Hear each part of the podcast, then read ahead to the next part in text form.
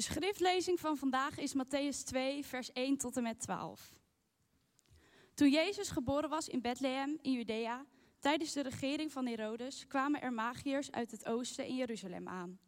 Ze vroegen: Waar is de pasgeboren koning van de Joden? We hebben namelijk zijn ster zien opgaan en zijn gekomen om hem eer te bewijzen. Koning Herodes schrok hevig toen hij dit hoorde, en heel Jeruzalem met hem. Hij riep alle hoge priesters en schriftgeleerden van het volk samen om aan hen te vragen waar de Messias geboren zou worden. In Bethlehem, in Judea, zeiden ze tegen hem. Want zo staat het geschreven bij de profeet. En jij, Bethlehem, in het land van Juda, bent zeker niet de minste onder de leiders van Juda. Want uit jou komt de leider voort die mijn volk Israël zou hoeden. Daarop riep Herodes in het geheim de magiërs bij zich. Hij wilde precies van hen weten wanneer de ster zichtbaar geworden was. En stuurde hen vervolgens naar Bethlehem met de woorden: Stel een nauwkeurig onderzoek in naar het kind. Stuur mij bericht zodra u, u, het gevonden hebt, zodat ook ik erheen kan gaan om het eer te bewijzen. Nadat ze geluisterd hadden naar wat de koning hun opdroeg, gingen ze op weg.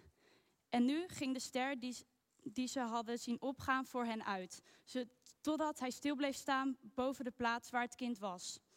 Toen ze dat zagen, werden ze vervuld van diepe vreugde. Ze gingen het huis binnen en vonden het kind met Maria, zijn moeder. Ze wierpen zich neer om het eer te bewijzen. Daarna openden ze hun kistjes met kostbaarheden en boden het kind uh, geschenken aan: goud, wierook en mirre. Nadat ze in een droom waren gewaarschuwd om niet naar Herodes terug te gaan, reisden ze via een andere route terug naar hun land. Tot zover de schriftlezing. Gelukkig ben je als je Gods woord hoort en er naar handelt.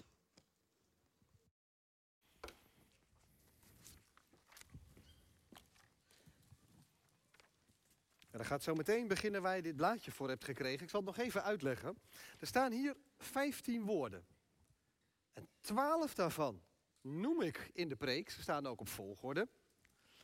Maar er staan ook drie woorden tussen die ik niet in de preek noem. En die drie woorden bij elkaar vormen samen een zin, een uitspraak over het kerstfeest. Dus ik ga de preek houden, dan kun je als het goed is die woorden bijstrepen. Aan het eind van de preek ga ik bidden en daarna vraag ik even of iemand de oplossing gevonden heeft.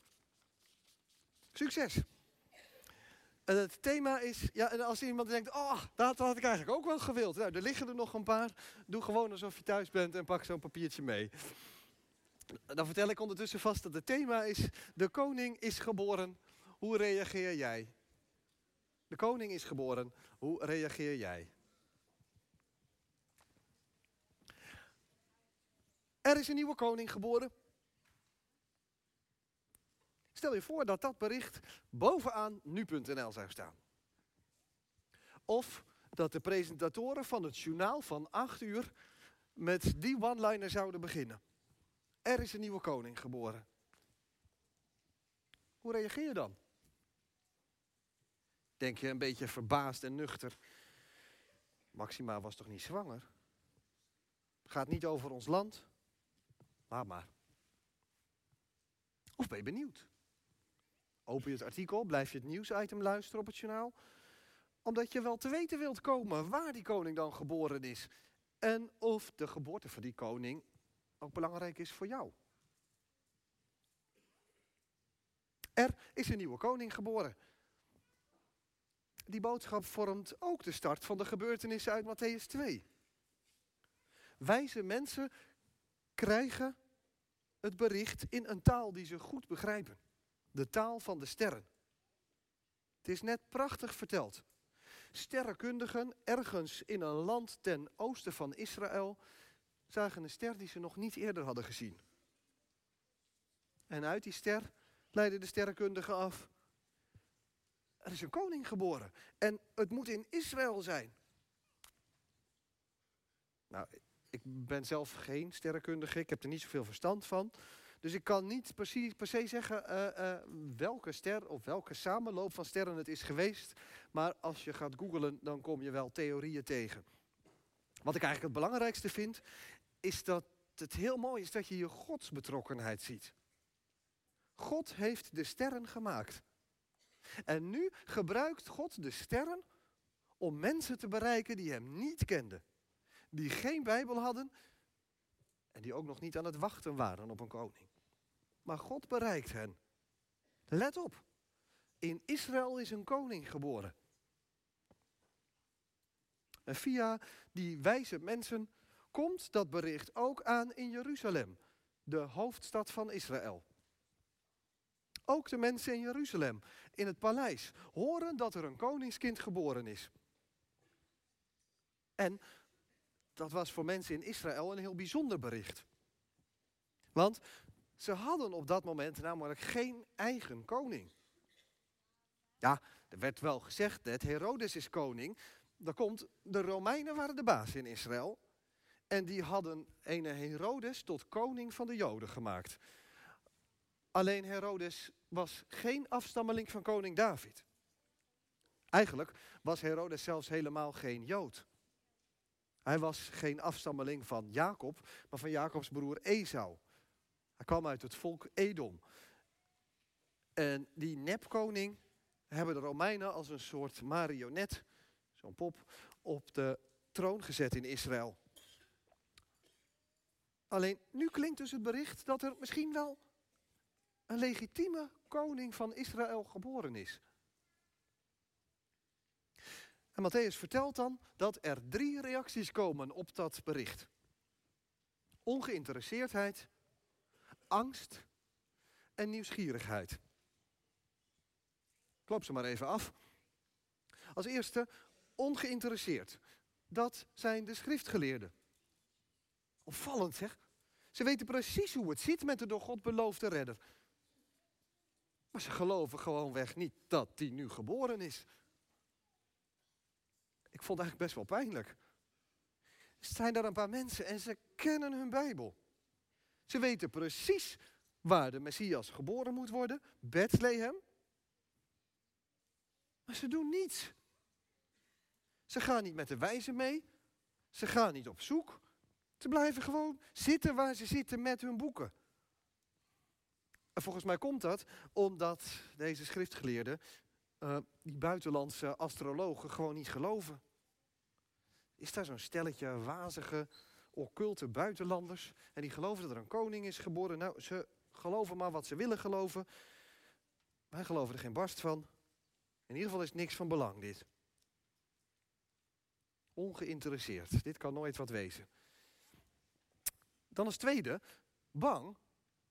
Dat is koning Herodes.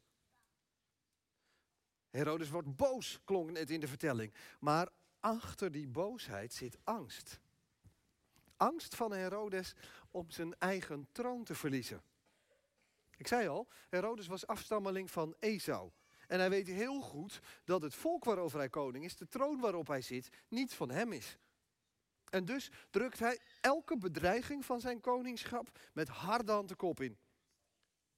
Herodes was gemeen, klonk het net in de vertelling. En dat zullen ze in Bethlehem merken. Hij bedenkt een sluw plan om via de wijze uit het oosten de dreiging letterlijk een kopje kleiner te maken. Bang. En tenslotte, de derde reactie, is de nieuwsgierigheid van de wijzen. Ze zijn zo nieuwsgierig naar die koning dat ze een lange reis willen afleggen om de nieuwe koning te ontmoeten. Blijkbaar waren ze zo getriggerd door die ster dat ze heel wat over hadden voor die zoektocht. Een lange reis vol obstakels naar een onbekend land hield hen niet tegen. En ze laten zich ook niet in de luren leggen door die vrede koning Herodes. En ze zetten door. Daar is die ster weer. En ze worden uiteindelijk beloond. Zij vinden het kind Jezus. Als ze de stad Jeruzalem verlaten, schijnt de ster weer en die wijst de weg naar het huis. God zelf wijst de weg als mensen het laten afweten. Ze vinden de koning die ze zo graag wilden ontmoeten. En als ze hem hebben gevonden, dan aanbidden ze hem. Ze buigen voor hem.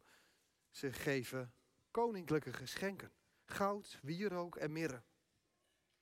Ze geloven dat dit kind hun aanbidding toekomt. En ze handelen er ook naar.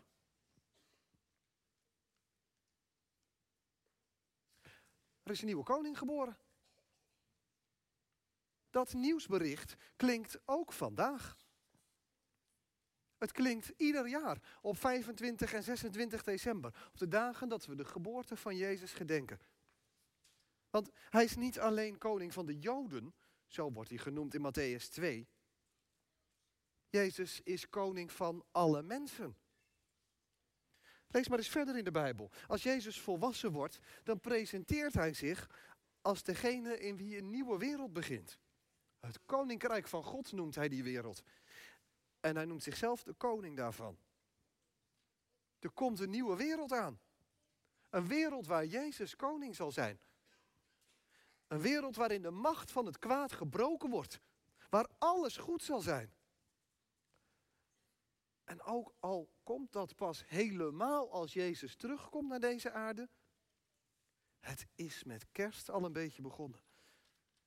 Overal waar mensen Jezus als koning aanbieden, wordt zijn koninkrijk al realiteit. De koning van een nieuwe wereld is geboren. Hoe reageer jij op dat nieuwsbericht?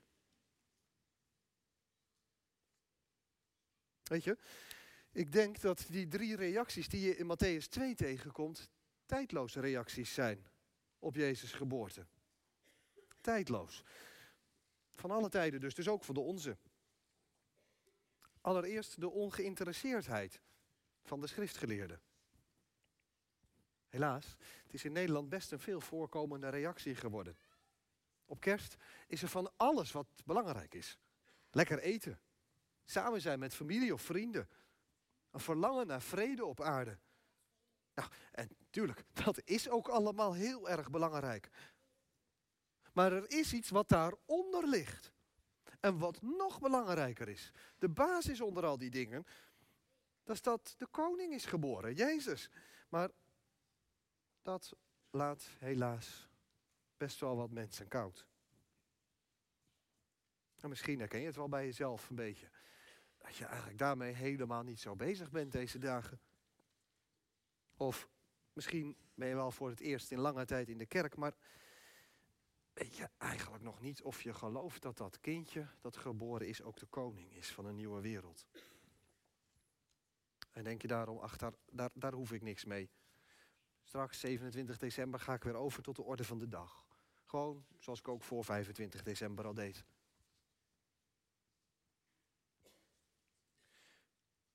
Tweede tijdloze reactie is die van de angst. De angst van Herodes. Ja, ook angst voor de betekenis van Jezus kom ik wel eens tegen. Soms zit hij wel goed verstopt. Bijvoorbeeld achter een masker van desinteresse. Of achter een averende, soms zelfs agressieve houding tegenover Jezus en het geloof. Maar vaak is dat alleen maar buitenkant. En zit er iets anders achter. Angst dat er iemand anders koning over je leven is. Zou het kunnen dat je je leven hebt ingericht als je eigen koninkrijk, waarin jij alleen bepaalt wat je doet? Dat je je voorhoudt dat je zelf baas bent over je leven. En dat de gedachte dat er iemand anders koning over je leven kan zijn, dat je die uit angst op afstand houdt. Angst voor de impact. En tenslotte de derde reactie.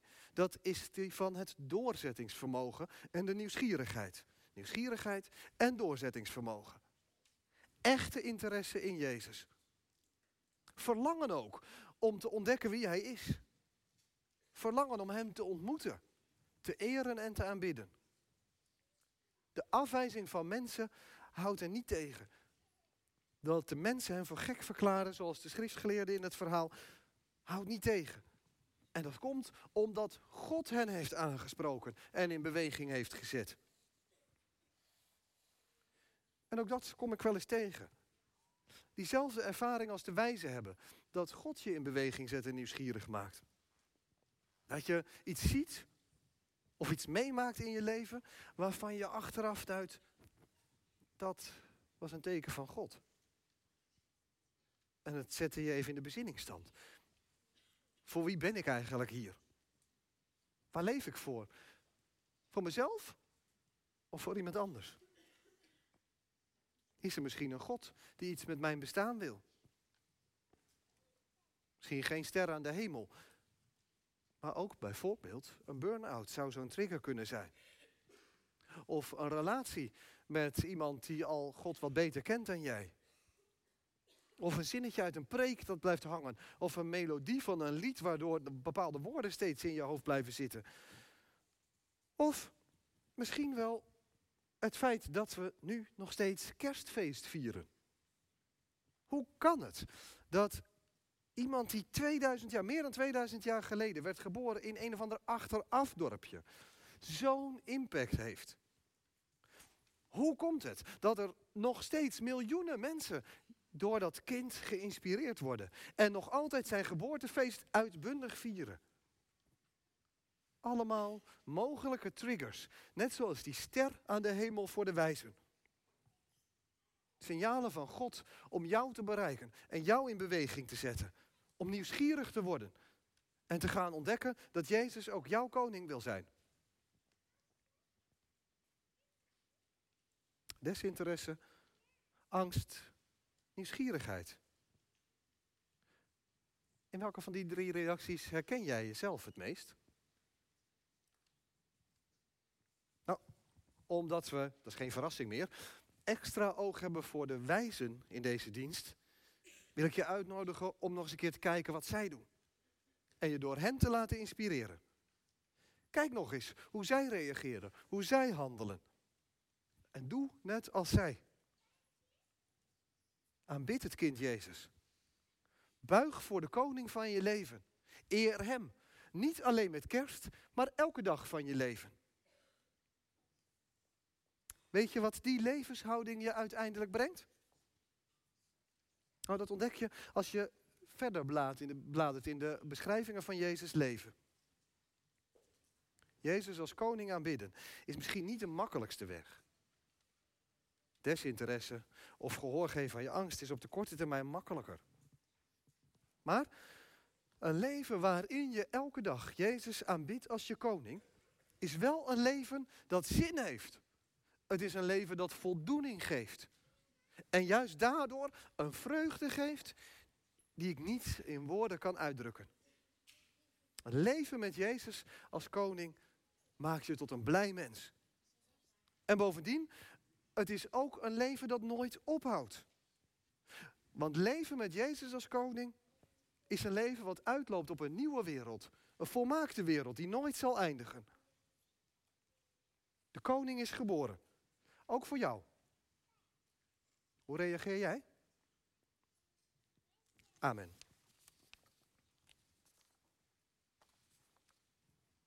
Laten we bidden. Vader in de hemel, dank u wel voor het goede nieuws. Er is een koning geboren, een koning van uw nieuwe wereld. Dank u wel, Heer Jezus, dat u naar de aarde wilde komen om te vertellen over die nieuwe wereld. Om ons te redden en ons toegang te geven tot die nieuwe wereld. Uw koninkrijk, waar u koning bent. Heere God, wilt u ons helpen om precies zo op Jezus te reageren als de wijze uit het oosten? Dat we iets doen met onze nieuwsgierigheid naar Jezus. Het kindje dat geboren is. Geef dat we hem niet alleen eren als een klein schattig babytje. Maar dat we hem eren als de koning van ons leven. De koning van een nieuwe wereld. Laat dat de basis zijn onder het kerstfeest dat we vieren. Dat Jezus onze koning is. En dat hij mens geworden is om ook ons te redden. En deel te geven aan Gods nieuwe wereld. En laat alles wat we deze dagen doen om dat feest te vieren ook goed en mooi en waardevol zijn. We bidden het in Jezus' naam. Amen.